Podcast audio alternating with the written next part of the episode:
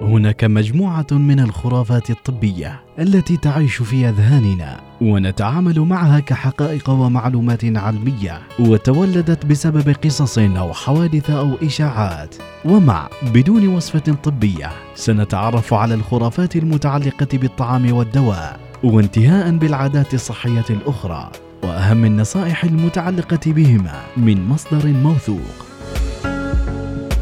تتوقع السكر الأسمر أفيد وأصح من السكر الأبيض؟ ويمكن دايما لما تروح تتسوق يقولوا لك هات سكر أسمر لأنه أفيد وأصح من السكر الأبيض لكن هل صحيحة هذه المعلومة؟ خلونا نتعرف على التفاصيل بدون وصفة طبية مع سميرة الفطيسية يعتقد الكثيرون أن السكر الأسمر هو سكر قصب خام أو غير معالج أو غير مكرر والسكر الأسمر خضع لعملية تكرير أقل والسكر الأسمر يحتوي على النخالة أو الألياف الغذائية والسكر الأسمر لا يرفع السكر في الدم لدى مرضى السكري. والسكر الأسمر يحوي سعرات حرارية أقل وبالتالي فهو مناسب لتخفيف الوزن. دائما ما نسمع هذه العبارات عن السكر الأسمر ويقول الدكتور أحمد محمد عبد الملك أن السكر الأسمر خرافة كبيرة.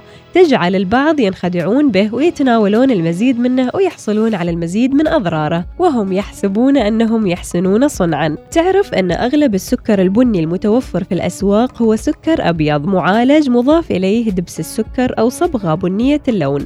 وثق تماما أن السكر الطبيعي الخام غير المعالج لن يكون شهي الطعم مثل السكر الأسمر اللي تشتريه وإذا جينا نحلل السكر الأسمر غذائيا يقول لك السكر الأسمر يساوي 97% من سكروز 2% من الماء و1% من دبس السكر. بينما السكر الأبيض عبارة عن 99.9 سكروز ملعقة سكر أبيض تساوي 16 سعرة حرارية. أما ملعقة سكر أسمر تساوي 17 سعرة حرارية. الحرارية.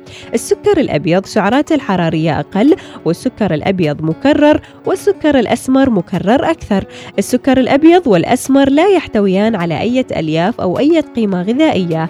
والسكر الأبيض كسعرات حرارية أفضل من الأسمر لكن سواء كان السكر أبيض أم أسمر أم أحمر يجب استهلاكه باعتدال. وإذا نقارن بين السكر الطبيعي والسكر الصناعي فمثلا لو أعطيتك تفاحة وسنيكرز. أعتقد أنك راح تشتهي تاكل سنيكرز عن التفاحة والتفسير هو أن التفاحة المسكينة البريئة لا تحوي 70 مركبا كيميائيا تضعه شركات الأغذية داخل شوكولاتاتها لكي ندمن عليها ونرغب فيها ونشتهيها ثم نشتريها.